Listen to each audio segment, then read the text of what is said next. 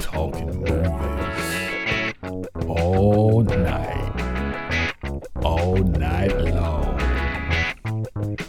Gonna watch 'em and feel good doing it. Watching movies, watching them all night welcome to Film Virgins, where every episode is someone's first time. Hello and welcome to Film Virgins, where it's always someone's first time watching a movie. Tonight, we are watching the film Maverick from 1994, starring this podcast's secret, lovable heartthrob from the 90s, Mel Gibson. My favorite actor, if you asked me before who 2004 who my favorite actor was, I'd say Mel Gibson. I don't know when did he when did he like fall on I'd It's say fall long, on hard road. yeah, fallen the, hard uh, times is not century. exactly the way the char- to characterize it. when did he fall into a bottle and start ranting about uh, women and, and Jewish people? Was it late 2000s, early 2010s? I don't know. I don't know, but I, I- I didn't really, I didn't mark it in my calendar or anything.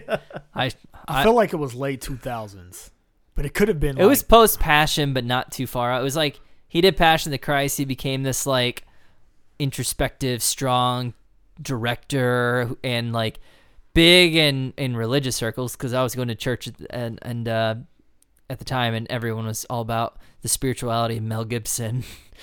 it's hilarious to say now, but it's true. And then um, you make one movie and all of a sudden you're a saint, and yeah, a clergyman. Totally.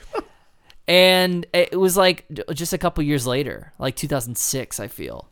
But we'll find out when we're watching the movie. We'll we'll Google it real quick and come back to that. But so it stars Mel Gibson, whose star has certainly uh, faded, changed, morphed. I don't know. He's coming back, maybe. But this is when he's at his peak. This is Maverick. I don't know anything about Maverick. Uh, I am this week's film virgin. Uh, I've seen bits and pieces on TV. Uh, and I couldn't tell you what else. I couldn't tell you what the movie's about. I know it's a western. I know it involves cards and Jodie Foster. That is all I know. So, what what's your guys's? Give me the the preview of Maverick. Maverick is a western, and that's all. Um, no. so it's a western, but you don't want to think of the typical kind of western like um, good, bad, ugly, True Grit, or anything like that. This is a, I'd call it a action comedy, and it kind of smacks of heist. Let me know what you think about that, Christian. Um, it's basically really light in tone. It's all about the dialogue, all about these characters that are very clever and adult, but the movie is still pretty f- uh, family friendly. Um, so it's really just kind of about a misadventure of a handful of characters that are all trying to get you know get over on one another for what else money of Mhm. course It's based on a it was a TV show, wasn't it? I do not know that. yeah i don't either we're really bad I think it was a. are you the expert or am i the expert I, was hoping you were. I mean, I saw it a couple times back a while ago. Uh, I mean, all I remember is basically Rounders meets Ocean's Eleven meets the '90s. that is a really that's a that's a really succinct way of putting it meets the 1800s yes, that's what I meant. The 1890s. Hello. Um, yeah, my exposure is basically I've seen it probably completely twice, both times on network t- television. You know, Sunday afternoon's movie fucking thing or whatever. I don't know. I remember Sunday's movie. Is that a fucking thing. Showtime? Do No, they have that? they because don't that would be a that. great segue. That's Cinemax after eleven. awesome. Uh, if you guys were to give it a cherry rating just based on your memory, Ooh. what would you give Maverick?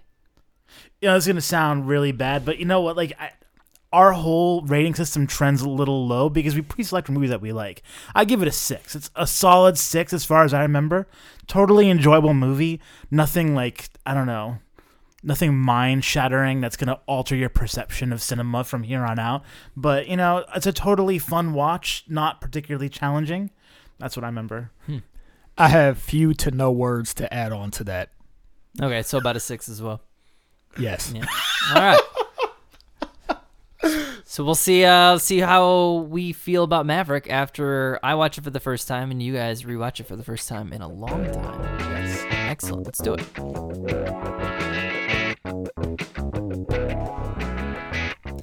We are back. We just finished the film Maverick. Like I mentioned at the top, made in 1994. What I didn't mention is it is directed by Richard Donner, which I didn't know. Now, Richard Donner, uh, probably most famously known for Superman. He Which did- one? Uh, the original Christopher the Reeve? Christopher Reeve. Okay. One, he- So just Superman. Superman. Yeah. Really, what I mean, what people think of as Regular man. as Superman, for the most part, is because of Richard Donner. Like that is most people's Mm. Superman. And he did the first one, then he did the second one, and they like he had a whole film done, and then they reshot big chunks of it and fired him, and it was a mess. They just came out with like a recut of his version in like 2006, but um, basically he directed the first two Superman, but he also directed all of the Lethal Weapons, Of the, course. the Mhm. Omen, which is like a horror classic, uh, Conspiracy Theory, The Goonies, and Scrooged. I love Scrooged. Have you guys seen Scrooged? I don't think so. Bill Murray. May put that on our Christmas list for 2018. uh, but yeah, Bill Murray. It's great. Anyways, so directed by uh, Richard Donner, and I didn't look at the writer. It was written by somebody. Roy Huggins and William Goldman. Uh, I think one of uh, those- Roy Huggins was the original television series writer. I've got written by T- the Goldman's top build on um, here on Wikipedia. yeah, I think he is the writer. I think the other guy is is the television writer. Uh, he's he's written some movies. He oh, we did a Flowers for Algernon Nice. adaptation for like TV or something. Oh, Oh, What year was that? Uh, I oh, might have watched that shit. Uh, he wrote the the Princess Bride. what? Um, he wrote a screenplay, but yeah, he wrote the Christmas. What Uh, year he was the Algernon thing? Oh, I'd have to look. I think it's the old one, not the one in the '90s that I watched in school. There was an older version. See, I watched the old one in school. I think I might have watched that. I remember my English teacher talking about it and saying that it was weird, and that's why we're watching the new one. But maybe it just That's why it was awesome. And that's why we watched it because it was weird. It was great. So yeah, you know, there's some good talent, and then obviously in front of the screen we have Mel Gibson, who, um, it was 2006 when he made his anti-Semitic drunken rants, and then 2010. So you're right about 2010 is when he uh, was caught on record saying horrible, horrible things to his girlfriend. yeah. Um, and Oh, Mel. Oh Mel. But uh, what else? Then we got Jodie Foster. We have the original Maverick from the TV show, uh, played by James Garner. Is that the Commodore? Yeah. No, no, no, no. Or no the, not- Com- the Commodore sorry. is James Coburn. Oh, it's the I don't remember his name. His dad. Oh, okay, yeah. That's- Spoilers. Oh, fuck. Cooper. Whatever. I don't know. It's Maverick from '94. Is it really a spoiler? Does it matter? I didn't. I didn't pick up on it, but it also didn't matter. I like I mean, to. This is Shyamalanian twist. We'll put a little, if you care about spoilers for Maverick, then skip to this time code. But I, who would do that? Whatever. oh God, I can't be spoiled. From a movie that's friggin' 24 years old. Yeah, man. Uh, so yeah, and then uh, who is that actor again? Who played the Commodore? Uh, Coburn, James Coburn. And he he was with Mel in Payback. Mm, He was. that's Uh, right. Is it? Is he Fairfax? Yeah. Fairfax. I was wondering where I recognized him from. That Mhm. was it. All right. And uh, we have a little cameo from Danny Glover. Yeah, we do. And he says, I'm getting too old for this shit. yes. Yeah. A little meta ish. Yeah. the only black person in the movie. That's He's- actually not in- true. I Oh, saw uh, at least three. He's robbing a bank, for the record. He is the first black person in the movie. That's true. and he's definitely robbing a bank. definitely. Ironically enough, though, he's leading a bandits that all the rest of them are white people. So Mm. they saw it fit to make a black dude be the leader.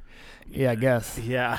Yeah, I guess they Wage saw his. gap. I guess they saw his resume, We'll, his prior work. we'll get into that. I don't know why that scene is. I don't know even know why that happened. Anyways, um, Christian, what is the plot of Maverick? All right, Maverick is about a handsome, charming fella who is strongly and specifically anti-Native American, and he is trying to compete in and win a poker tournament on a riverboat. Um, and in order to do this, he actually has to acquire the money. He only has about twenty-two thousand dollars. He's twenty-five thousand dollars was a lot of money back then, so three grand hard to come up with. So, um, and it is also about this lady played by Jodie Foster with loose lips and loose hands, uh, whom he meets, and also this curmudgeonly sheriff guy played Law by man. yeah by by James Garner, um, and yeah, um, and then yeah, then there's poker. There's also poker They're trying to get to the big poker game. The Yeah. big poker, The game the, of the, the- the Casino on Royale. on, on the Pretty riverboat. much, it is pretty much the Casino Royale. yeah, Mhm. in which they play five card draw like dumb shits. Like wh- who does that? I when I was growing up, I I know five card draw because I had a, uh little. Remember in the in the nineties, you always had those games, oh yeah, the- the pocket poker. pocket poker. Oh no! Even like even to this day, too. if you like, if you go to a casino and play poker at the slots, it's gonna be five card draw. Uh, five card draw. I mean, it's kind of like if you know the Yankees are playing the Red Sox and they set up like tees to play t-ball. and that's what five card draw is. It's ridiculous. And Maybe the other games weren't invented yet. This is no, a person they I don't know anything they about. They just hadn't gained popularity. Rounders, which I mentioned earlier, was really ahead of its time Mm, and yeah. helped to really push. Uh, it didn't really help that much, but Is it was ahead of its time in that, like, it was you know Texas Hold'em really was not in the public consciousness in 1998 or whenever Rounders came out. So you know, uh, then again. Stud was still popular. I mean, at least Stud would have been a regular person's game instead of About- a child's game. Omaha. Yeah. Well, Omaha, Omaha is basically it's basically Hold'em, like Texas Hold'em with like or Omaha. I don't know. I I I was I turned not. back in the World Series of Poker when everybody was watching that on ESPN. Um, I remember one time Omaha was on there and I was like, I don't. Are they playing with like four decks? What the fuck is this game? I, I couldn't figure it out. I don't know. I, I think Omaha Hold'em is just like Texas Hold'em. It's just four cards in your hold instead of two. Oh, well, Yeah. that was simple. But you're saying there are other uh, variants of the game that they would have been able to play back then. Yeah, which which when would have did had this movie take place. even? More cachet, like like Stud. Uh, Stud's a totally reasonable game. Draws, I don't know, whatever. Draws, draw. Well, I mean, uh, you know, they're pretty much just showing us. There's like what one scene where they actually show him holding cards, or actually the mechanics of playing poker, yeah. and most times it's just like, "Oh, I'm out," or "Well, I guess I won." You know, it, it, there's not a lot of. It's not rounders where like each hand you're kind of following, or even Casino Royale for that matter. Uh, I would say it has about as much as Casino Royale. You're right; it has way less than Rounders. Rounders actually deals with the mechanics of the name and like the game and like the betting strategy along the way. Right. This one, it's more like everyone just has absurdly ridiculous hands that you'll never actually see in a poker tournament, and everyone has them at the end. at every hand, it's like, oh, I have four of a kind. Like, oh, that's a regular hand. I'm like, no, it's possible that you could see no four of a kinds in the entire game, but whatever. So let me give my take. Um, I actually caught the end of this movie, not knowing it was the end on TV one day. so it was the titular end scene that I won't. I, I already spoiled part of the movie, but uh, the final card game, I'll say. Um, It doesn't ruin the movie. no, it doesn't really spoiler. ruin the movie at all. I was wondering if it would. Uh, it's a really, it's a fun movie. It's very, very lighthearted. It's very comedic. It doesn't take itself too seriously at all. I think being modeled after an older TV show, it kind of is playing in a not a real world context. It's playing in kind of a more fanciful world. Um, speaking of which, I've been watching Westworld because season two just started up. It's a very different Western world than the one in Maverick. Mm, Not one throat was slit. no, Nobody, no. only a few people got shot. Most of the time, you're like shooting around the people, like in the A Team. yeah. yeah. This movie was made in 1994, but it had the soul of a much older movie. the music too. The music harkens back to the '60s. I don't know, I mean, Randy Does it? and stuff. Does it? I mean, I really feel like it harkened back more to like Homeward Bound or Beethoven or some shit like that. No, it's the, it's 80s. It's 80s. It's like I mean, it's Randy Newman, so it's like the natural. It's like mm-hmm. I don't know. Whatever cliche western music you could think of, like is is rampant in this movie. Every everything is a a cliche, possibly intentionally. Like I get it, and also part, you know, possibly due to Randy Newman's incompetence. Jesus oh, Christ. Oh, It's shit music. it's really bad. I always say like I only notice. I, I think we are Marcus and I are kind of in agreement in this. We only notice when scores are really bad. Rarely when they're that good. Very rarely will I notice a score that I'm like, "That's great." Christian's much more keen on that, and I think he can decipher the in betweens. This was bad. Okay. Yeah. All right. So, all right, since we're on the topic, Randy Newman actually is a very talented composer, a film composer. He's done some really great stuff. Among the things uh, he's done, I mentioned The Natural, uh, great score. He did at least a few of the uh, Toy Stories. And I want to You got say. friend in, in You got a friend in me. okay, oh, okay. You can't fault him for You that. You got a friend in me. Wow. All right. This is That's pretty much how he sounds in my head. and I, that's Don't forget A Bug's Life. uh, what did he do? A Bug's Life? He at least did a song for it. well, man. Uh, so What here's here's one that that? my family listens to is Awakenings. Awakenings was also Randy Newman. It was a freaking awesome soundtrack, and it flies under the radar. Like, radar. the, the, the wabbit. It's infectious. Elmer Fudd moment. it's a great film though, and uh, the soundtrack is impeccable. But yeah, I mean, he's done some good stuff. The thing is that when Randy Newman composes, kind of like um, uh, Ennio Morricone, I don't know how to pronounce his name. Um, a lot of the stuff that he does is really similar to each other. So he'll reuse a lot of the same kinds of themes, same kinds of feelings in each of his movies.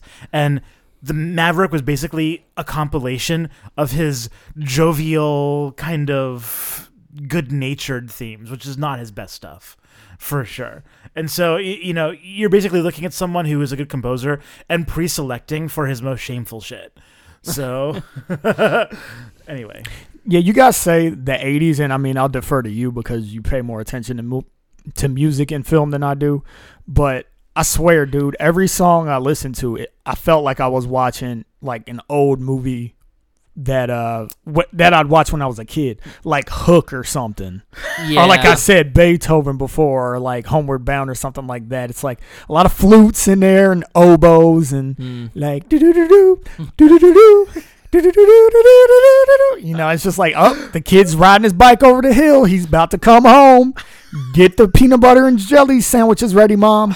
Like that. That's just what it made me feel. This is brutal.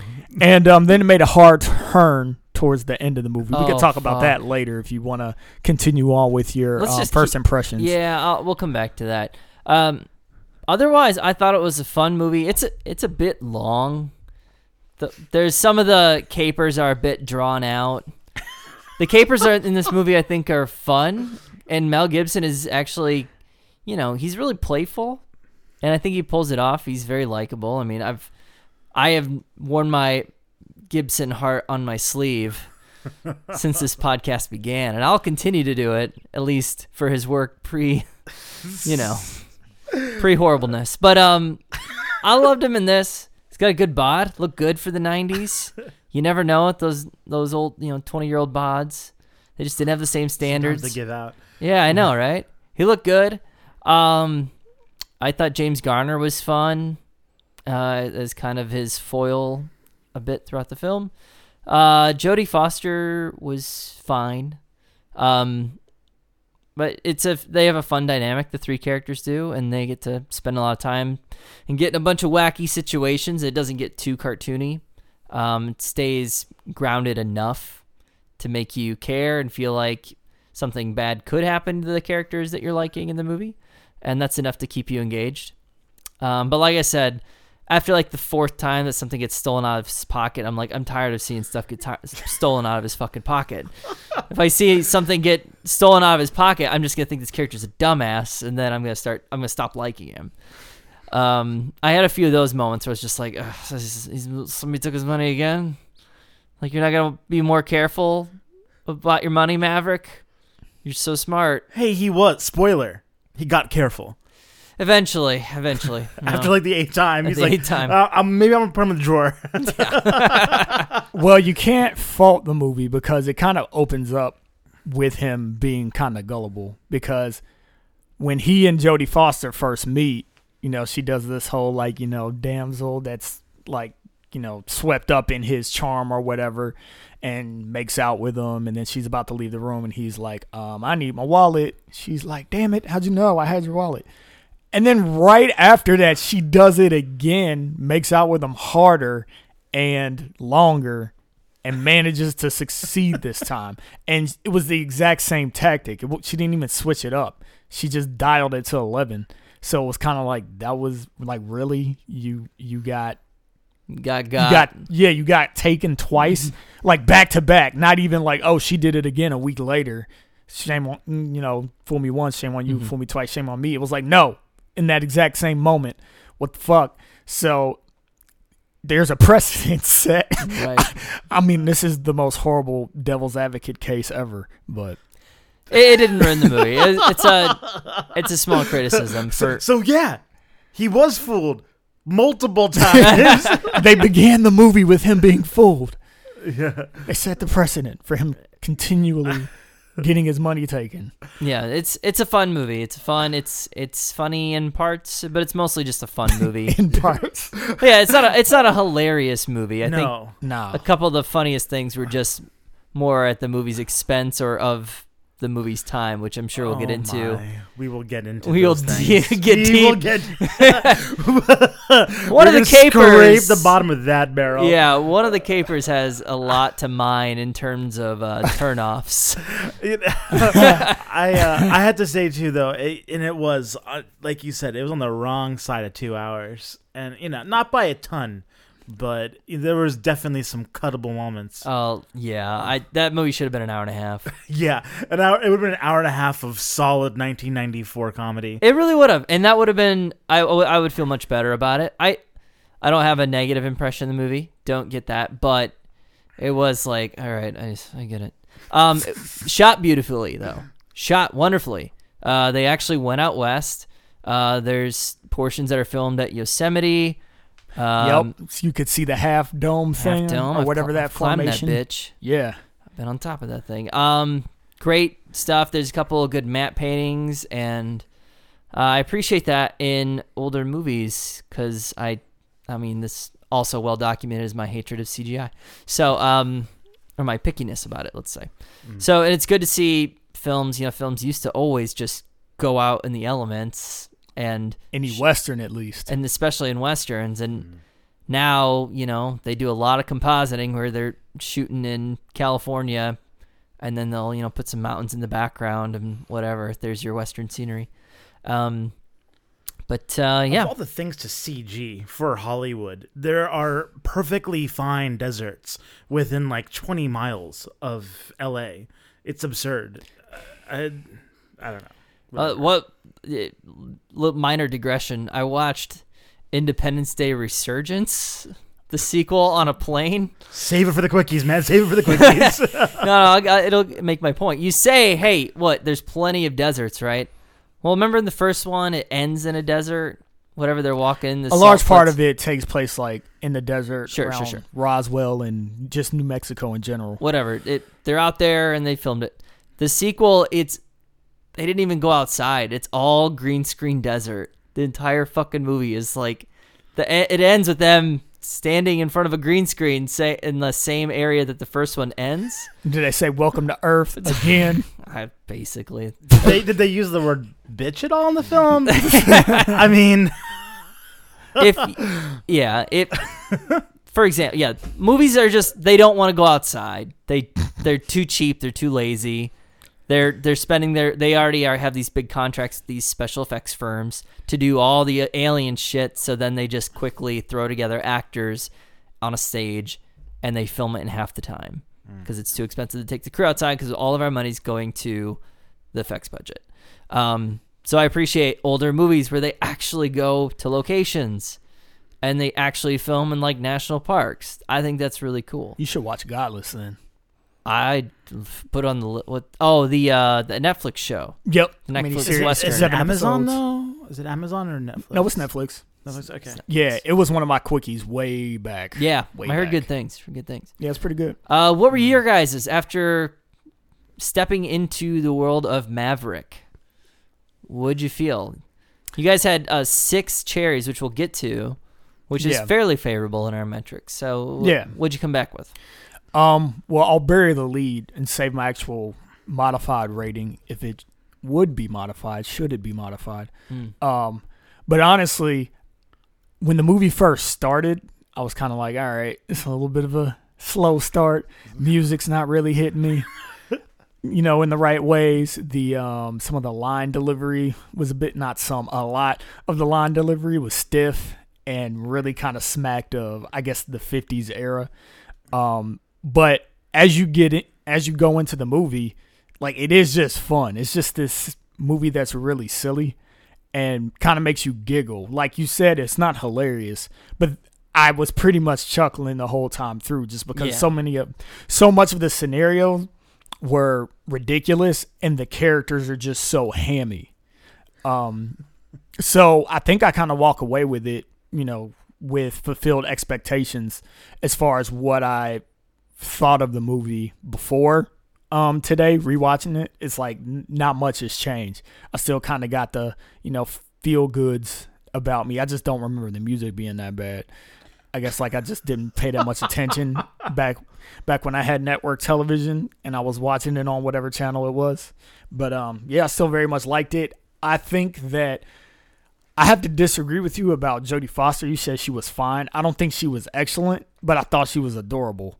Like mm. every word she said, like I was glued because I'm just like she's just completely full of womanly wiles, like in the most in the most stereotypical sense that you can imagine. And I thought she played it great. Like I love her southern accent through the whole thing. She's just really really cute the whole time. You mean her Mobilian accent? Yeah. But didn't they say something about it actually being from Louisiana at the very Oh, I thought it was from Mobile. she said she was from Mobile, Oh. but that was clearly a cover. that was a Okay. lie. There's a lot of intricacies in this plot, guys. Just so you're aware. There are, and they don't need to be there at all because it's not that heavy of a movie. um, so it's weird because it kind of goes from this dynamic where everything is kind of uh, very elementary as far as storytelling goes, as far as uh, character development goes, but then they have these like little little twists and turns throughout the movie and lines that actually they have really clever lines embedded in between mediocre lines. One of my favorite things was when uh, Mel Gibson is teaming up with the Native American guys, you know, to do that whole ruse. and he thinks that, and the guy tricks him, makes him believe that his money is gone, but it's not actually gone. And he like starts to strangle him. And he's like, oh, I was just kidding. He's like, you'll die and I'll be happy. That was a good line. like just the way that it was delivered really subtly it was actually like really fucking hilarious mm. and there was a lot in this movie that was like that so it's it's weird this is a movie that oscillates from being like pretty mediocre to like oh that was actually a really awesome moment yeah, right I- there and then it's I do think it's at like 30 minutes.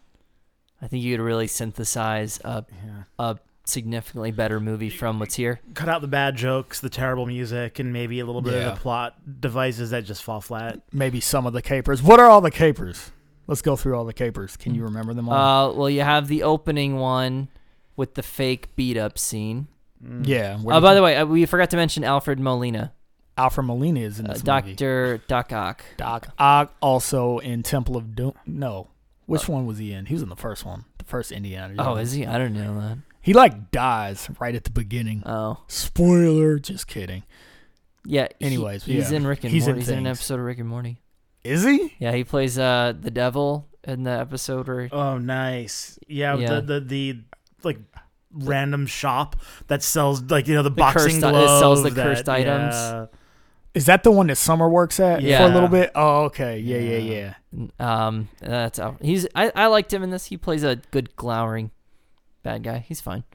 Um, yeah. So we have that where he pays off the local guys to stage the fight to get him out of getting shot by other guys.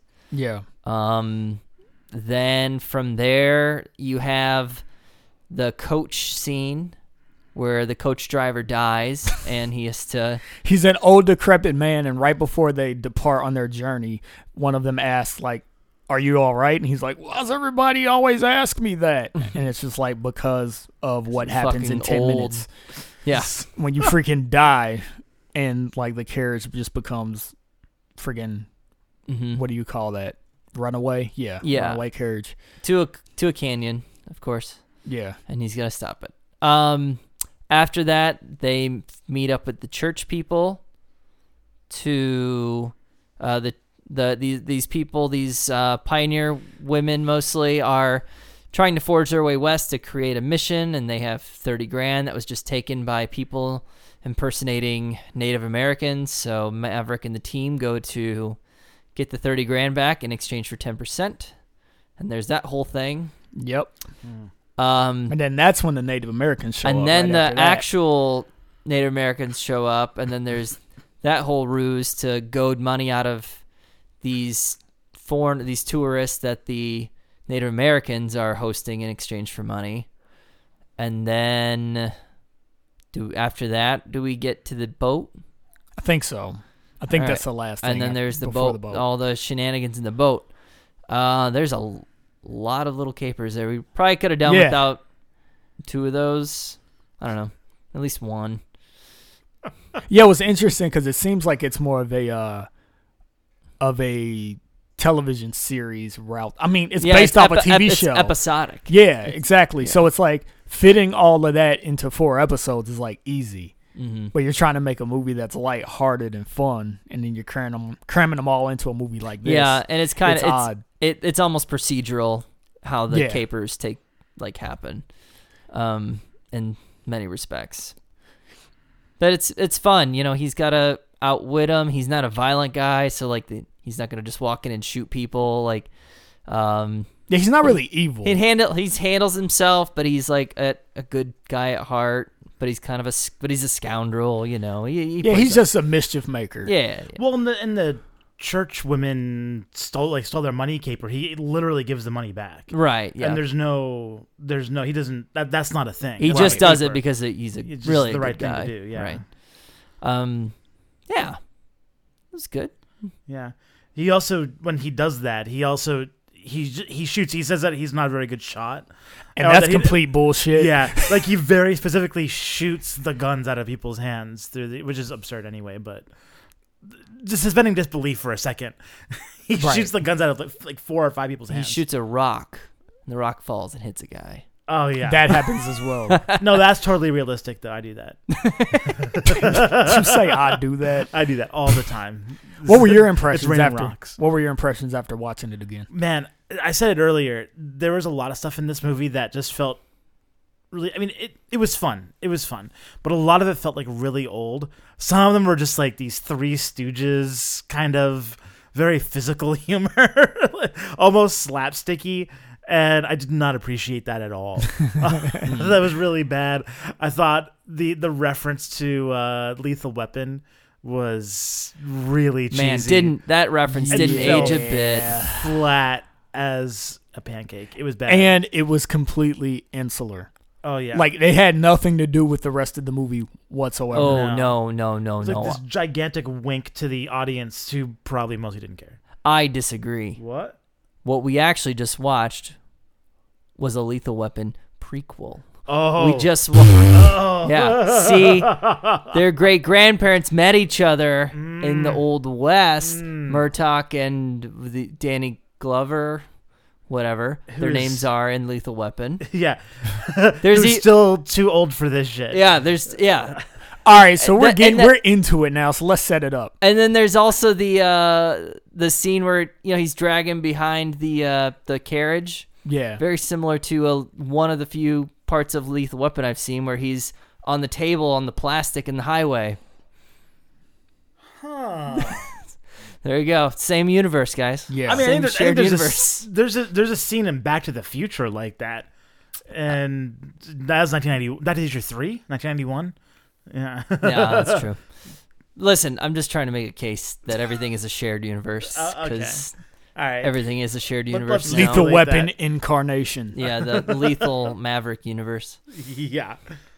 Lethal All right, Weapon. I interrupted you for that stupid bit. Go ahead. This, this podcast is gonna be half an hour longer than it needs to be. Oh, it already just is. like the movie. Every episode is a half hour longer than it needs to be. I disagree. I believe that each episode is a few hours short of what they ought to be. Oh, all right. Next week, Marcus edition. Four hours of deep exposition. Yeah, Well, exactly. inside baseball, I, I usually just get tired and cut it short. Don't speak badly of baseball. I'll be very frustrated.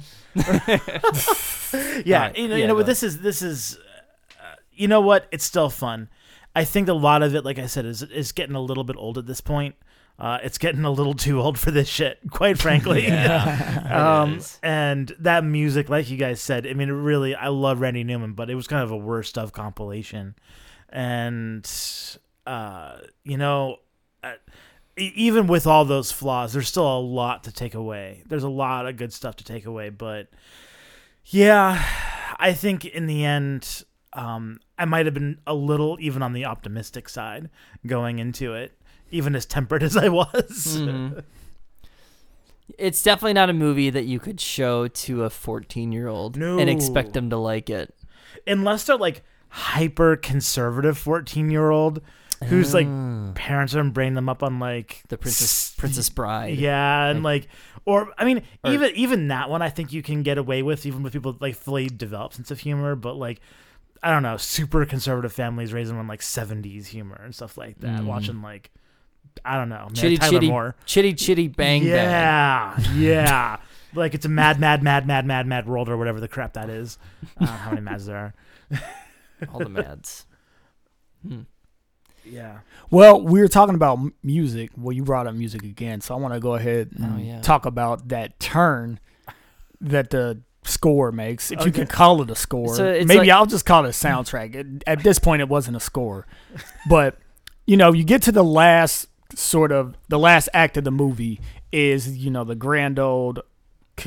I was not to say casino game. No, Poker game on a steamboat. yeah, The, tit- the titular poker game on Yeah. a steamboat. trope. on the Annabelle or the Yeah. Lorna Bell or whatever the steamboat paddle boat was called.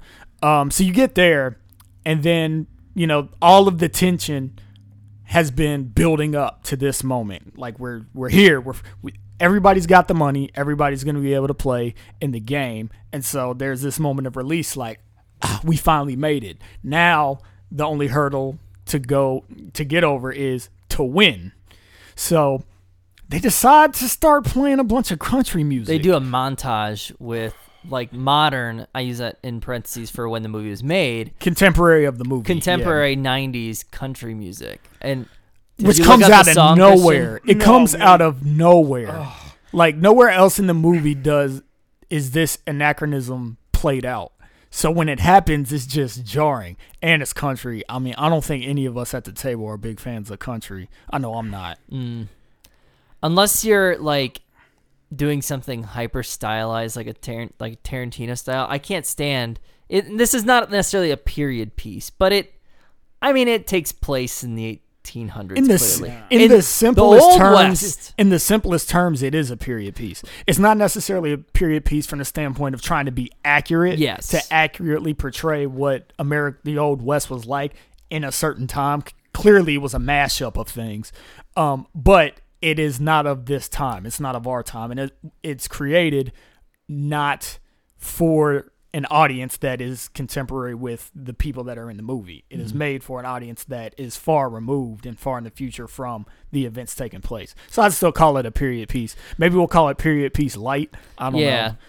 know. Oh, like okay, just just to be clear though, when we talk about country, and yeah, I'm not a big fan of country, but this is to country music. What like Pop Yanni? No, no, what Yanni is to like Miles Davis, Yeah. or like this was bad. The- whatever this was was an abomination. Hold even up, by Yanni country's- can be considered jazz. It can't. That's what I'm trying to say. What? oh, okay. I see what you're saying.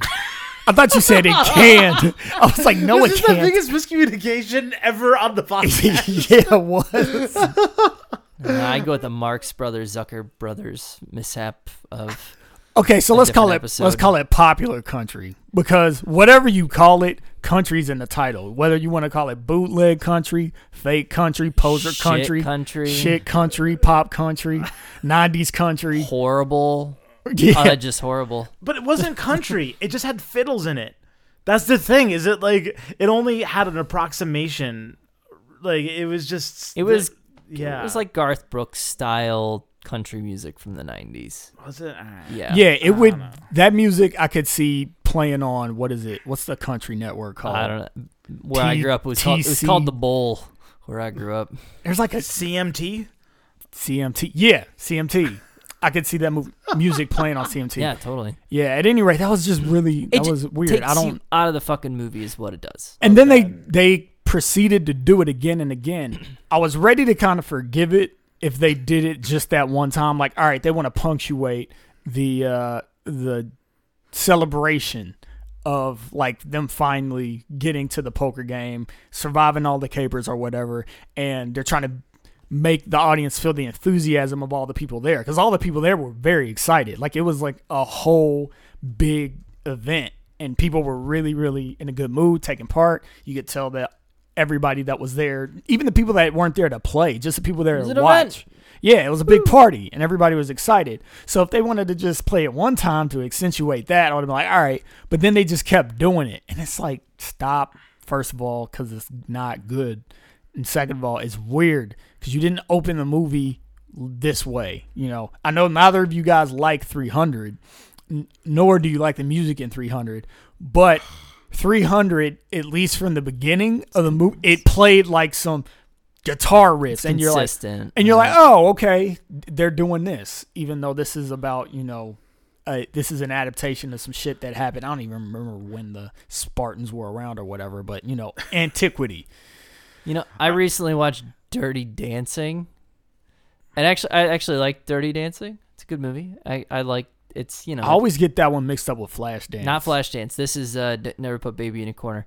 It takes place in the fifties, but like the the big song is oh god, I can't remember what it is, but it's like it The clearly twist. yeah, but it's clearly like an '80s pop song that they're dancing to at the end of the movie. So and it but like Oh, leading up to it it's all like period music and then when you get to the the end of the movie for the big dance then they're dancing to the uh well it'll come to me in a little bit yeah, to like a modern 80s song and it's just like that take, took me out of the fucking movie yeah, I don't like that. all right, so I'm just I'm straight up wrong here. Check this out. Three cuts from the album made the hot country songs charts. Renegades, Rebels, and Rogues, performed by Tracy Lawrence, reached number seven. Clint Black's A Good Run of Bad Luck, which also appeared on his album No Time to Kill, reached number one. Carl, uh, Carlene Carter's Something Already Gone reached number 43. Apparently, the actual Maverick soundtrack, uh, released in 1994 by Atlantic Records, peaked at number four on the Billboard Top Country Albums chart. look at that it was the right call Jeez. and they were wrong but Indeed. by the way oh it's Indeed. I had time of my life Oh, I really? never felt this way before That's hilarious. That song is like Yeah. the 80s song. yeah but the movie takes place in the 50s it drove me crazy Yeah, that's bullshit. I don't like that. I don't like that at all. I hate when anything does that. So there was this really terrible CW show that my wife watched called Rain, and it's about um Queen. Sounds- it's I love about that you just threw under the bus publicly right there. That was good. Oh, that she- was. hey, sh- she admits like half the stuff she watches is terrible, so I won't get in trouble for saying any of this. You know, it's like five people are going to hear this podcast anyway, so whatever. I'm just saying, if, she, if she's twenty percent of that, do you really want to anger twenty percent of your audience? It's fine. She knows. She she won't even like watch it. I've been in the room with her watching it, and she's just like, oh. She she's she feels it. She just feel. I, I won't even say anything.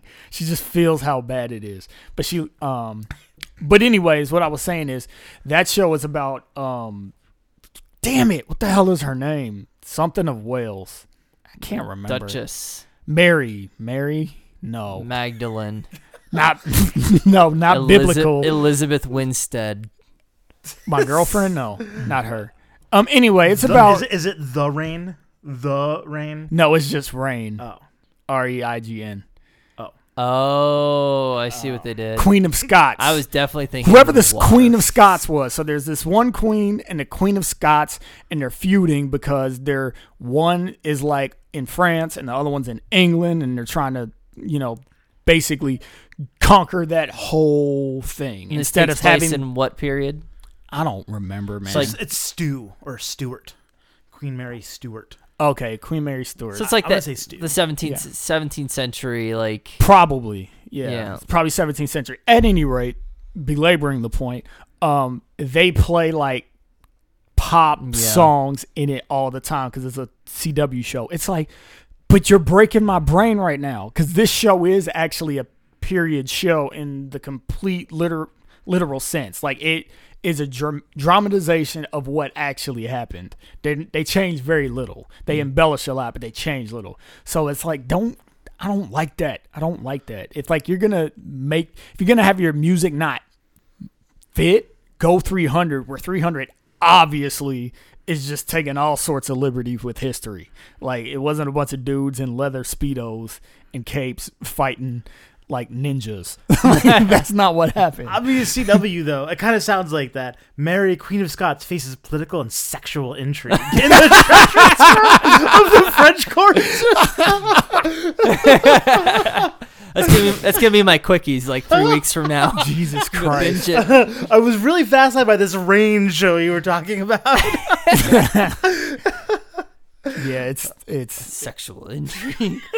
yeah. God. What CW show doesn't have some Fuck, element of dude. sexual intrigue? That's what I'll what it's tell all you about. one right now. Right now, okay. so- Flash. no, well, actually, yeah, that's true because it would go too fast. It did. All right, no CW. All right. Anything else before we go on to our next segment? I don't think so, man. I'm so ready for the next segment. I think we're Take me ready. there, man. Mmm. Turn offs. Oh. This is a great turn off movie. Turn off. Oh my God, we're gonna spend 20 minutes talking Oh, about turn-offs in this. So, turn offs is a section where we either nitpick a movie, which we already kind of have, Mm-hmm. or it's the section where we talk about things that have aged poorly. And when you're watching movies that are 20 years old, man, things change fast. 24 years old, but um, uh, Marcus, you wanna or Christian? I don't care who. Who wants to take the lead on this one? I, I don't want Marcus to take all the good stuff, but you should go first. No, no, no, no, no. You go No, for go. All right, first, I'm, gonna, I'm Christian. gonna name Go one. for I'm it. gonna go for the one. I'm gonna take Okay. the, the, the obvious one is Mel Gibson, aka Maverick, saying, "I like to kill an Indian every day." or does he, did he say something like Something that? He that. says something like I like that. to kill Uh, an Indian every day eh, because uh, they took they were on our land before we took it for from them. For yeah, for being on our land before we got here. yeah, I mean, he kind of Was said kind of the ironically, line. but it it. it He it- was- it he was being really- facetious. Yeah, He was being facetious. but it facetious, fell flat. but it's a hard joke. it's, a really, it's a really hard joke. Like, he really like laid on the deadpan. Yeah, And that's just not a joke that maybe you should do deadpan. Maybe you should be a little more animated or a little winking a little more. Yeah, yeah. We don't. We're not groaners, but that was probably the closest we've ever gotten yeah. to groaning. Yeah, I mean, it's like there's yeah, certain facetious. It just it doesn't work. Just Well- like yeah, Stalin's great because you know he slaughtered all the Russians, and it's just like oh no, no, that's not appropriate. No, no, no. Yeah, and that's like yeah, it- Let me set this up a little bit. So because I think we're gonna get into this. in the movie, um, we talked about one of the ca- like the ca- the capers. We mentioned the Native Americans, the Indians, the Indians. Engines, Yeah, let's talk about aka S word, yeah. and so rhymes with cabbages. they say it all. Might have a prefix of proud. Noble. noble. Oh, is it Noble. noble? God, they say it all.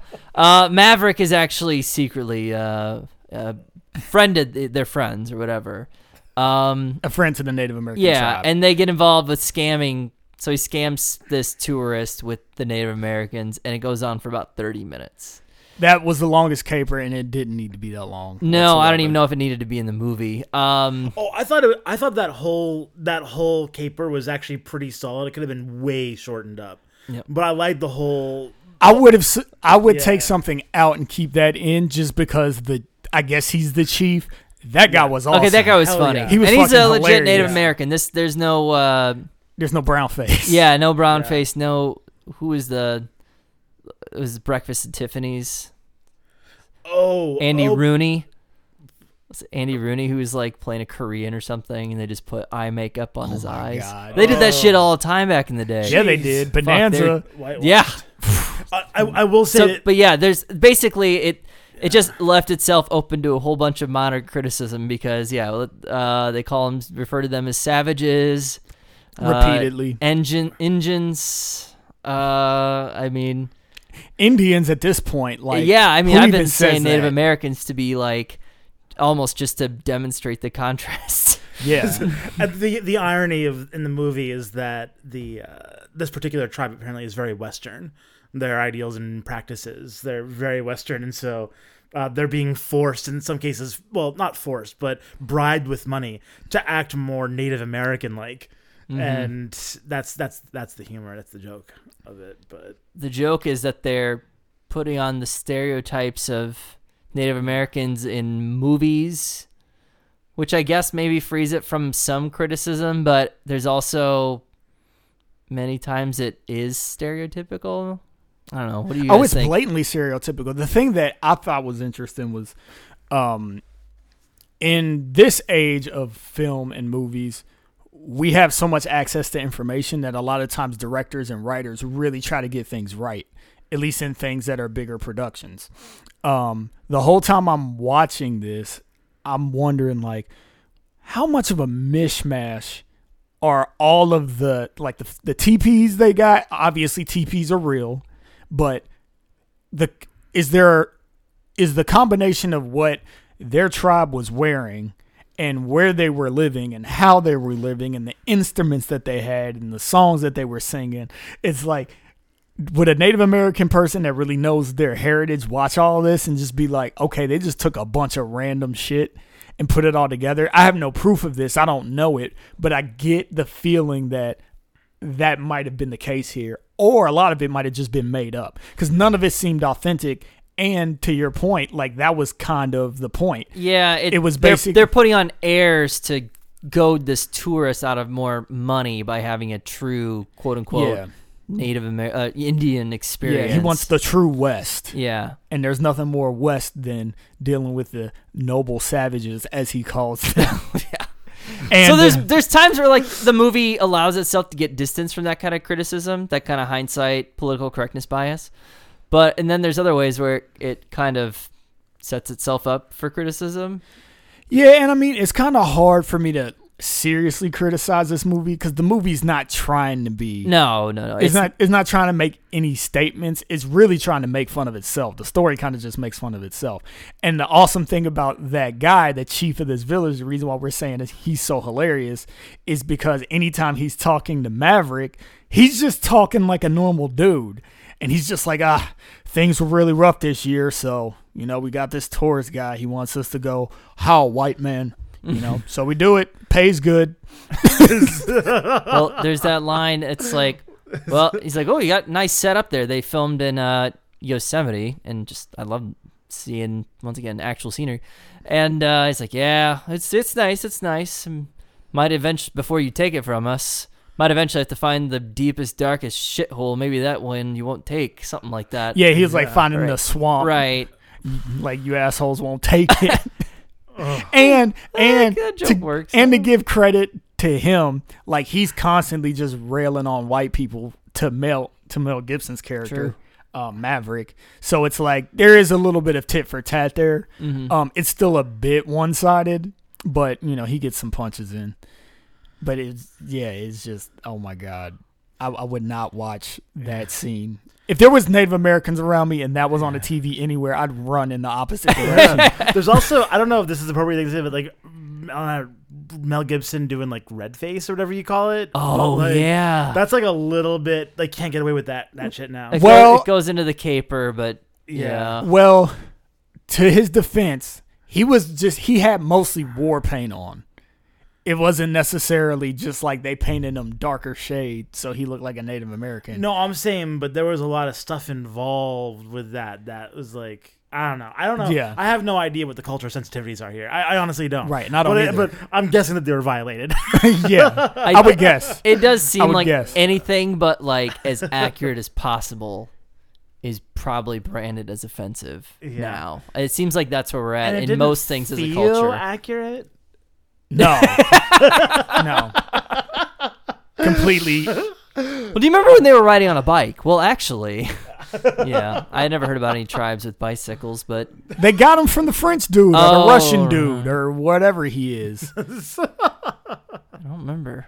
Yeah, they like got it from him. Right, or right. what- some European they got Mhm. it from because they were talking about how they never rode it before, so they wanted to make Maverick ride it. But obviously, he didn't know how to ride a bike either. So, yeah, it was. It's just a very silly scene. All of it is All of it's absurd. ridiculous. It's absurd, and you know you could choose to laugh at it if you want. But if somebody's offended by it, like I'm not gonna have an argument with them. I'm like, yeah, I can see how you might be a little upset. All right, give us another good one, Marcus. Oh my god, I've just got to go back to the Danny Glover thing. Mm. God damn it. He was he was only in that movie for to be like the the elbow nudge, like uh these guys uh I thought They they, were were going. I thought they were doing that a little bit, but I thought he was going to be in the rest of the movie. yeah, and maybe if he was in the rest of the movie, it would have been less egregious. But he was so he's the only reason he showed up was to say, "I'm getting too old for this shit," and for him and Mel Gibson to look at each other at the same time and then go, "Nah." But wait, you look Ugh, nah. so and they did it like four times. And then Danny Glover's out of the movie after that. He's not even in it. So I don't know. Maybe they were like, we got to put Danny Glover in the in the movie so we can put him in the trailer so we can get people to come out and see the movie because they were both in Lethal Weapon together. Where we're trying to create a shared universe between. No. yeah, they Um, were definitely not. I don't think they no, were trying to create was. a shared universe. Uh, I'm trying to think of other things that were bad. I think we talked a lot about the music. We talked about the length. music, length. I talked about the stiff line. Do y'all think I'm right about that? Do you feel like a lot of the line delivery was were stiff, especially from Cooper, the lawman? Like everything he said, it sounded like it came from a like he was reading out of a pamphlet or something. He was really flat. He's trying to be that straight, old timey lawman, and he's no Kurt Russell or Sam Elliott, you know, who kind of Yeah. play. Those guys are in Tombstone, Yeah, um, which is a western I really like. But uh, I like ni- that movie too. It's good. '90s western. Yeah, it was on TV. Yeah, have you Uh, seen Tombstone? Um, I saw it a long time ago. Uh, if I saw it at all, I think I saw it. Um, it's we were actually talking about this last Yeah, night. yeah, we were. Yeah, but he, he he can't deliver those old timey lines like those guys. He just it's not as good. Yeah. So it wasn't good. Um, I'm trying to think of something new. One small thing, and this was tiny. They only did it once. And I'm glad they only did it once. But they did a cut that you see in old movies a lot when there's like something tense about to happen, like right on the cusp of the action actually breaking out, where they'll like cut to people's faces. And they did the thing where they cut to Mel Gibson's face really quick and just zoomed in on it. They did a really really oh, quick. oh, with the card, the card thing, right? Yeah, I think Yep. so. Just a fast zoom, and it's just that's just old. It, yeah.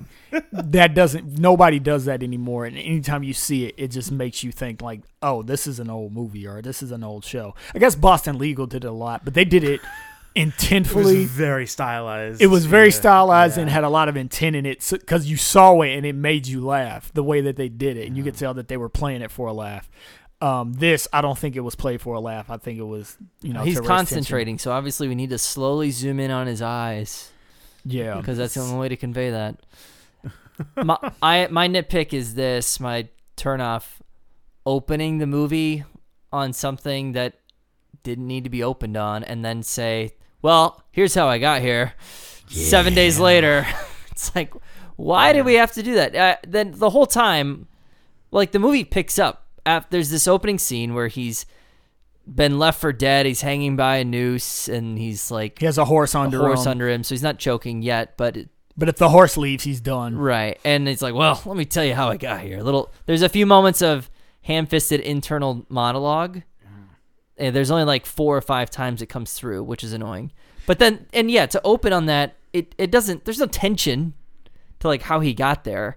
There's no real payoff for how mm-hmm. he got there. No, because he just escapes rather easily. He just escapes easily, and you know it's not a serious movie. So why would you open up on like a life or death scene? It cuts to the opening caper where he is playing cards and outwitting people and pays the guys off to beat so that he can beat him up so he looks like a badass in front of everybody so everyone's scared of him. Like that is the true opening to the character, not this one like actually like second act low point. They just kind of open with it yeah, and yeah, Rick and It Morty. wasn't- Rick and Morty said it best. They're like, "What? Why do you have to cut to the three days earlier? I think our story should begin where they begin." and they're exactly right. I mean, Yeah. so that's yeah, really two really huge classical errors. I don't know. People talk about that all the time, like, oh, voiceovers are lazy. They're just a lazy way to tell a story. And for me, I'm always like, man, like five or six of my f- top 25 movies have voiceovers. How can this be the case? Oh, this is why. This movie is why voiceovers are considered lazy because it isn't something stylized, something used to add to the movie. It's used to fill in gaps that they couldn't figure out another way to do. Or a test audience was like, "How'd he get there?" Yeah. so then we bring in Mel during his ADR work that he's got to come in for, and he was like, "Hey, can you say, well, after I left, I went south." Yes, because the target demo includes like sub 90 IQ fellas. that's another. yeah. That's another um turn off I actually have. I don't know if it was by virtue of the fact that they filmed outside a lot, and maybe it was windy, but a lot of the dialogue felt like it was dubbed over. Mm, Like very it, possible. it didn't sound natural, and I don't know if like. I, I don't know enough about filmmaking to know what hurdles they might have had to jump over to uh, get this thing made and make sure that people were audible. But yeah, most of the time, in a lot of the scenes, I was just like, man, I don't feel like the audio or the sound is coming from them. Well, we also didn't watch a we didn't watch a, a newly minted Blu-ray special edition and that could be omnibus of Maverick. um, uh, you know we watched though? an older DVD. but I, I do thought you that there was there was one scene that was totally like that, and I can't remember which one it was. I feel like it was the opening scene was probably the worst. Opening scene wasn't good. I, there was, I think it was one of the ones with both Garner and Gibson. I want to say it was when they returned from Rick securing the thirty thousand dollars or something. But they were talking, and it was like it, it effed with my mind because I couldn't figure out who was saying what, and it didn't look like it was completely off. Like they weren't. It wasn't even synced. Right. It was like it was a bad dub. I I definitely think like standards of filmmaking have only increased. And I think there are a lot of like older movies, even from the '90s, which isn't that long ago, and there's plenty of extremely good filmmakers, but they got away with a bit more. I think. I mean, this movie had a good chunk of money. It was a budget of seventy-five million dollars in 1994. That'll make you a damn good movie today. So this movie is actually really expensive, uh, and had a box office of 183. So it did okay. Doubles it budget, doubles its budget, then it's considered a, at least made its money back, and then the rest is profit. So did okay. So that Gibson salary, man, 1994 Gibson ain't cheap. I wonder how much they had to pay Danny Glover. Ah, maybe he had like a five picture Lethal Weapon deal, and they never made that fifth one. So I don't know. What about Jodie Foster? Was she a hot commodity back then? Uh, 'Cause yeah, This 'cause- is definitely after Silence of the Lambs. yeah, Yeah. That's what I was gonna say. I was gonna say Sleepless and with the Lambs. Sleepless with the Lambs. like, wait the a lesser known That- Jodie masterpieces. No, that sounds like the reboot that they're gonna do on Hulu. Oh, Are they really doing that? No, Okay, thank God. they Because- they actually did do a um, reboot series though, which is Hannibal. Actually, I think that's a prequel, and it stars Mad Mikkelsen, Mads Mikkelsen. Um, so yeah, they've already done a spin-off series of that, focusing on the cannibal himself. yeah, I think she was pretty pretty big. Like she'll star in Contact in 1997. She'll be like top billed in that. Mm, I thought uh, Contact was older than that. I think it's like is like late-ish 90s. Hmm. Uh, well, was it good for you? Uh, as the Virgin, the Virgin usually takes the lead. I'll take the lead on this. Um, I did enjoy Maverick for all the things that I've already stated. They it's shot well. Um, I I like Mel Gibson. Damn it, I it's I just do. I love the guy. What is it? What is it about Mel Gibson that you love so much? Uh, it's a mix of growing up. It's growing up watching his movies is what it is. The same way that people feel about Jimmy Stewart. I feel about Mel Gibson. Harvey. Uh, is he a perfect actor? No, but he's he just plays that roguish eh, man so well that I just find him very likable. Uh, but I also like Braveheart was maybe one of the first truly like super good movies I ever saw, and I could just watch and be like, this is like a really fucking great movie. I watched it. I was like probably in fifth grade, so and then you know that was coming. That was right around the time that like Payback was coming out, and I really liked that movie and uh, some of the other stuff I saw later on. I I really like Signs. Anyways, uh, I liked a lot of Gibson stuff. Later on, I get into the Mad Max things, and I even liked What Women Want. Uh, wow, wow. it's a fun romantic comedy. It's probably sexist as shit now. Is that how it'd be labeled? I don't know. Watch that one. Well, Uh, definitely couldn't make a movie called What Men Want. so it's that got. that joke is hacky as hell, by the way. Yeah, I'll, I'll I'll allow it. I like it. Uh, but uh, yeah, so it's it's '90s Gibson. What's not to like? It's it's made by a good filmmaker. They shot outside. It's fun. It is too long. The music sucks, but I had a good time with it. I had fun with it. Um, I'm going to give it five cherries. I'll go next. Um, yeah, I I thought I was gonna be at a six when I started this, but I have to say I'm also at a five. Um, you know what? It really is. It's still a fun movie, but man, I find it difficult to imagine myself dedicating time to it solo. Or I'm just I'm gonna focus on this movie for two hours and six minutes. Like uh, this is like, hey, I have a project I need to do with my hands. Like I got to like fit some widgets together and watch Maverick while I'm doing it. All right, that's fine. And man, yeah, there are just definitely some rough parts. So, um, and yeah, just looking at this list here, I'm thinking I do not like it as much as Book of Eli, uh, but I do like it more than Speed Racer. Bullshit. Bullshit forever. All right, that's it for me. Five, also five cherries. God, everybody hates on Speed Racer so much. It makes me sad. Hey, four is still Um, pretty solid in our metric, oddly. no, that's bullshit. Four for Speed Racer is bullshit. Um. Anyways, um, I have to say that I'm gonna stay at the same place. Um, as I was before, six. Whoa. because for all this, all this movie's faults, it is a very dynamic movie, thoroughly engaging.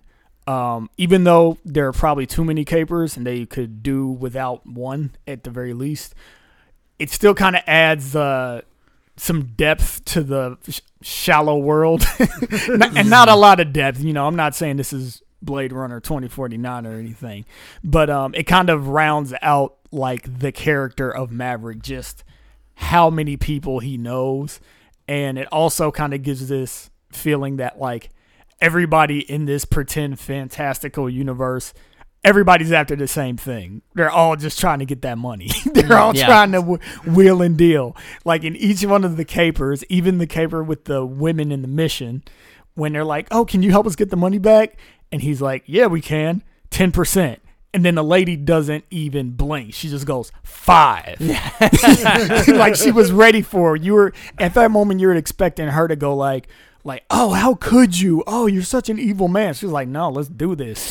like, like everybody, everybody has an angle, and that was that was just silly and very endearing to me. Um, I liked Mel Gibson in it. I thought he was great. I liked Jodie Foster. I liked um Molina. Like his stare, like Jesus. Like I'll never want to meet that dude in real life, and he stared at me with those big old freaking crazy eyes of his, because he just has a freaking evil stare down that's amazing. Um, but yeah, so I mean, I like the feel of the movie. I like the humor in it. Not all of it is great, but there are enough punches in the gut that I got that just like left me giggling. So, you know, not awesome, but I'll give it a six. And we haven't done recommendations. Oh yeah. Yeah.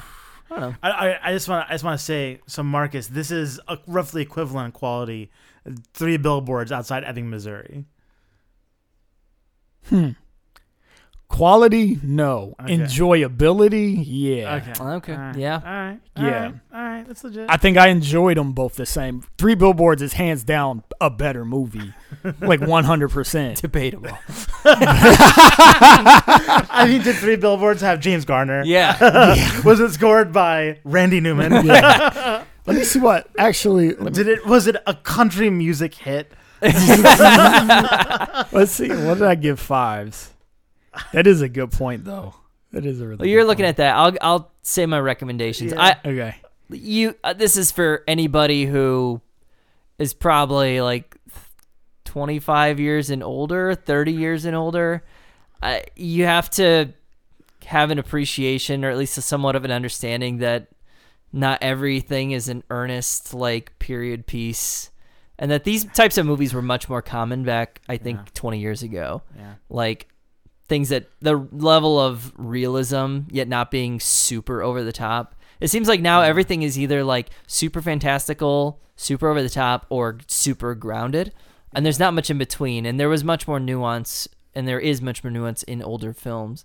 Uh, so you kind of have to have that level of understanding. But somebody who with uh looking for like a clean, clean, fun movie, who isn't uh too turned off by racial stereotypes.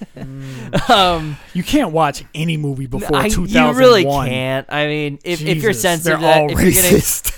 that stuff's gonna piss you off. Yeah, don't watch it. But you know, if, If you you're can, sensitive to like naked men in tubs looking at each other's junk, it's gonna be a rough watch for you. never mind. Seven cherries. Mel Gibson in a bathtub. Yeah, uh, if you like Gibson, classic Gibson, uh, it's a fun movie. I don't know. I think older people would appreciate it more than any young person. I can't imagine a a 12 year old or 15, or even a 18 year old like sitting down and watching this uh, and truly enjoying it. Nor would I recommend it. Uh, I would recommend it to like my somebody older, like my parents, or it's like, yeah, did you see that Maverick movie? Yeah, it's fun. if you catch it on TV, you should watch it. You should finish it. Uh, um, but yeah, that's that's my recommendation. I'd recommend this movie to people that say like Shanghai Noon, um, or any of the Ernest movies. oh yeah, now you're no, now you're speaking my language. Um, It's like better than Ernest Goes to Jail, but not better than Ernest Scared Stupid. how about Ernest Goes to Definitely Camp? not. Ernest Goes to Camp is it's pretty good. it's a solid, fundamental film. It's- he method the shit out of that It's one. it's the one that everyone should watch before they go to film school. Christian. How we get there? Go go on. Sorry. Um, yeah. So uh, no, Shanghai Noon. I feel like borrows extensively from this film. it's the same thing we were talking about, where it's like the non-period piece western, except that one also was, you know, martial arts. But that's neither here nor there. Had a lot of Kid Rock. That had way more Kid Rock than the average western film. This had no Kid Rock. Have I seen that movie? All right, film virgin next week.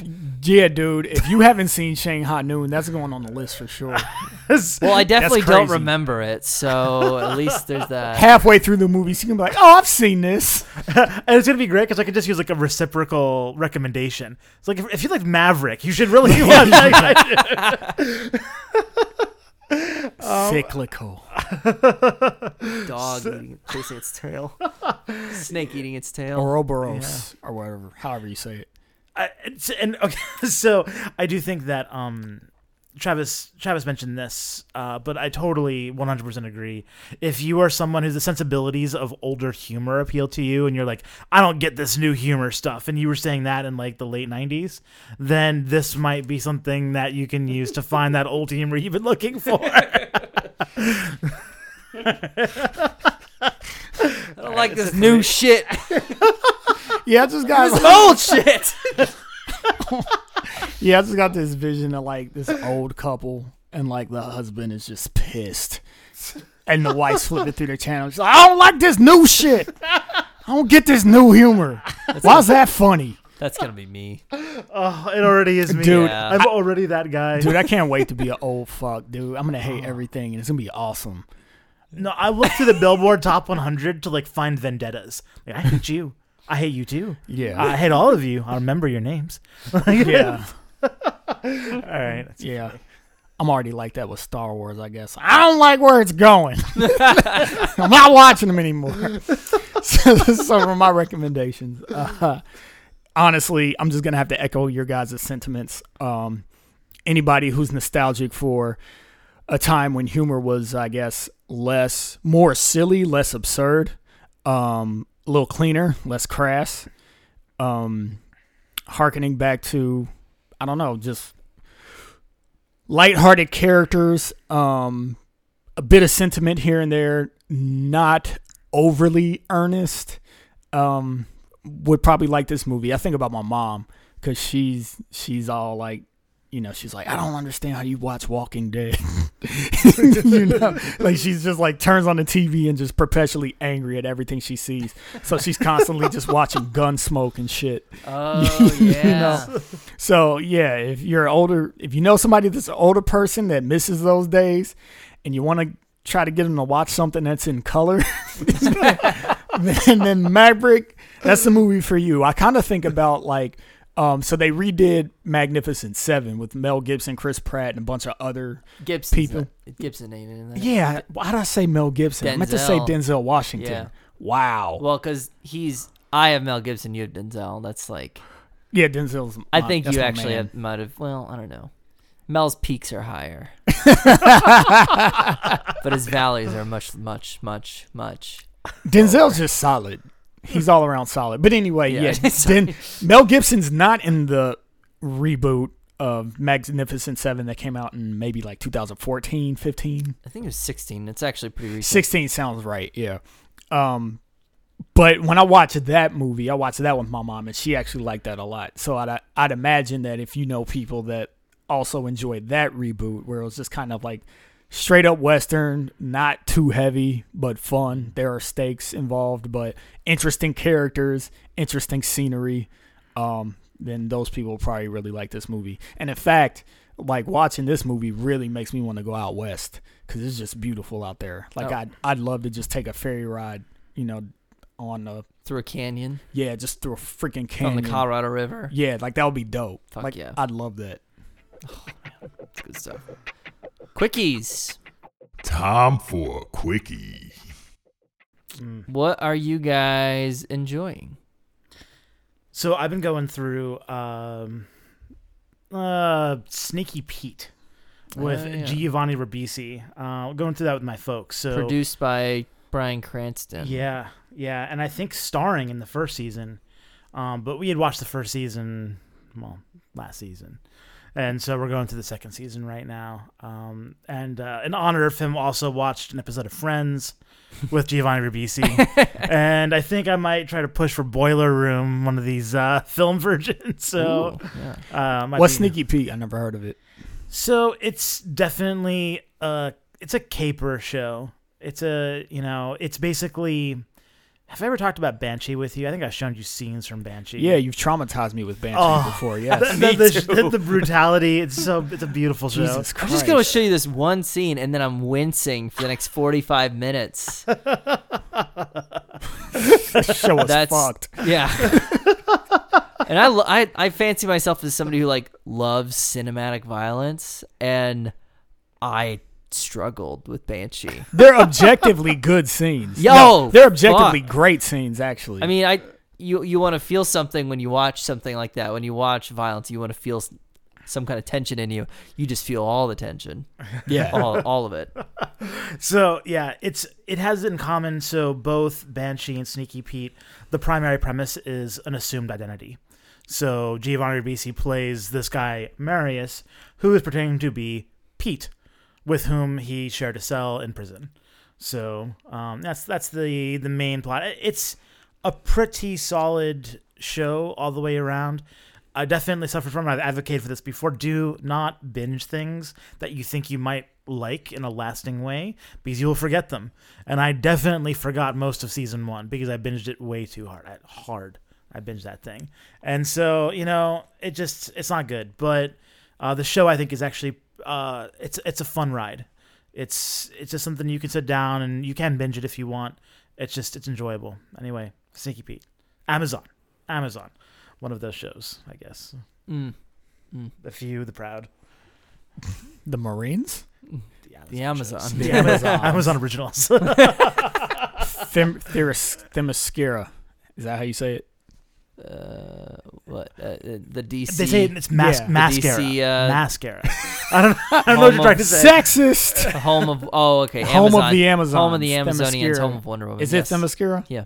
Themyscira. Can I say it one more time? Themyscira. Okay.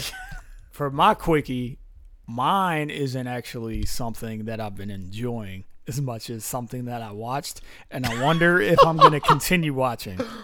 So basically, last week, Christian, you, me, and our friend Jeremy, we caught up on the season finale of the just passed Walking Dead season eight Yeah. finally to a close.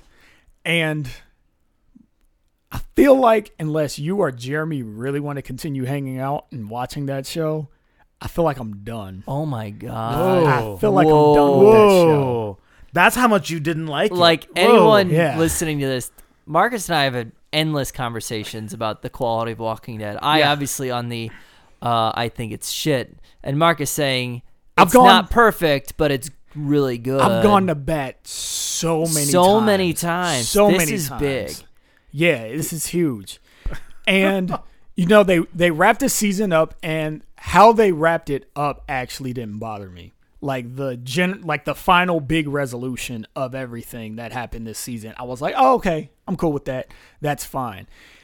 I just I I can't I can no longer deal with how bad the writers write these characters, which is something that you've been saying for seasons. You've been saying this for seasons. I've only really felt it since like season, maybe end of season six.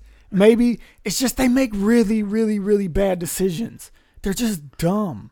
And it doesn't make any sense because at this point in time, the zombies aren't the real threat. The zombies are basically the things they're the hurt they're the hurdles. They're the rocks in the road. You know, they're the fallen tree trunk that's blocking your way that you just got to kind of figure out how to operate around it while real real and present danger is upon you. It's well put. Yeah. So all of the people that are like here now, they should be smart. They should be freaking geniuses. They should be survivors. Um, and I mean they all are, but it's getting to the point where it's like I can't suspend my disbelief anymore because they just make the characters make really, really, really stupid decisions. Um, and nobody like follows a plan ever. Everybody just does what the fuck they want to, and that's not how you live in a post-apocalyptic uh Survival, environment. Yeah. Yeah, you- Survival that's not the fittest type society. Exactly. Like you have to communicate, you have to work as a unit, as a team, and they routinely don't, and they somehow just find a way to make it magically. And it's just like they can't do it anymore. And the thing that we were talking about, Christian, like right after we watched it, and th- we watched three episodes because we missed the last three in a row. So we like got together, watched them all straight, just back to back. And what I walked away with was within these three episodes, never has a show had so many pivotal moments that amounted to nothing. Yeah. Mm. Like, so you have a character, it's like, oh shit, she just kidnapped dude. What the fuck's gonna happen? Oh, he's escaped because she's inept. Right. Awesome. Oh, okay, you have our main characters. They're in a really crazy situation. How are they gonna get out of it? Oh, one of the characters turns evil for a second, and then they don't mention it ever again. like, like completely acts out a character, and it was amazing when this happened because Christian isn't surprised a lot. And especially not with Walking Dead, because it's a show that you enjoy because we watch it together. Right. You know, it's good enough that you're like, oh, okay, yeah, I'll actually spend some time, you know, hanging out with these dudes and watching. I it. watch worse shows than that just for the social aspect. well, that's true. This is very true. But anyway, it's not it's not like a Banshee for you or one of the shows that you're like diehard about, like Hell on Wheels or something like Yeah. that. You know, and when the moment came, even you were like, "Oh, what? Like, we're going here now? Like, what's up?" And then like they don't really deal with it. I mean, I wish we could talk about this without spoiling it because it's hilarious. yeah, I really don't want to spoil it because it is still fresh and new, and I know that like I have colleagues who have not, you know, caught up yet, so I don't want to We'll really take it off ruin- mic because I want to hear about this. Yeah, yeah, yeah, definitely. But yeah, it's just uh, I think you know I think maybe we should just get another show to hang out and watch. I love it. Let's do it. Um, This is so satisfying. Si- Silicon Valley might be a good one because I don't even think I saw season three or how about you know, if as long as we're catching up, how about The Wire season five? or The Wire season five. Please. Oh, yes. I am like, I have this like forever boner, like that's never been pleased All right. because we haven't done this yet. let's let's got- uh In case of the wire blue balls. yeah, yeah. Wire, you they are the, boys in blue. Spherical blue line. yeah, well, yeah, let's let's definitely talk about that wire because I'm all for it. But yeah, that's my quickie. Yeah. Done. All right, I think we've gone long. I've uh, I've been watching Westworld, and along with everybody else, season two just started up, and uh, the first episode is the first episode in any like ten episode event drama. It's like, oh, things happen, and we'll find out why eventually. So, I like Westworld. I thought the first season was really great. I'll watch the second season, and it's fine if it sucks because I think the first season tells like a perfect, really good story. Not perfect, but really, really good and it's very satisfying. It answers pretty much all the questions it sets up, which you can't say for most uh, dramas like this, especially in the sci-fi genre where there's a lot of like mystery boxes, things like that. They actually pay pretty much everything off. So if I'm gonna watch season two and the first episodes come out, it was fine. Uh, but if it sucks, no harm, no foul. Westworld gave me a great first season, so I'm gonna keep watching that and uh, see if it's good. All right.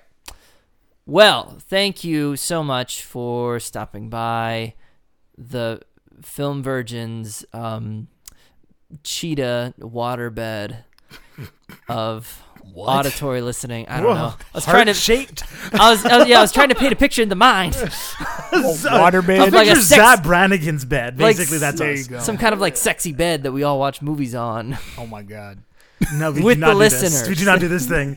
All right. Well, thanks for listening. We're on Twitter at Film Virgins Cast. We have an Instagram. We might have a Facebook soon. Go to filmvirgins.com where we have all of our charity ratings.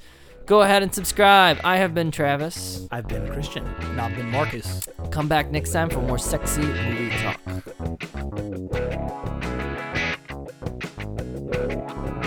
Thanks for listening. Subscribe and look for our next episode next week. Yeah.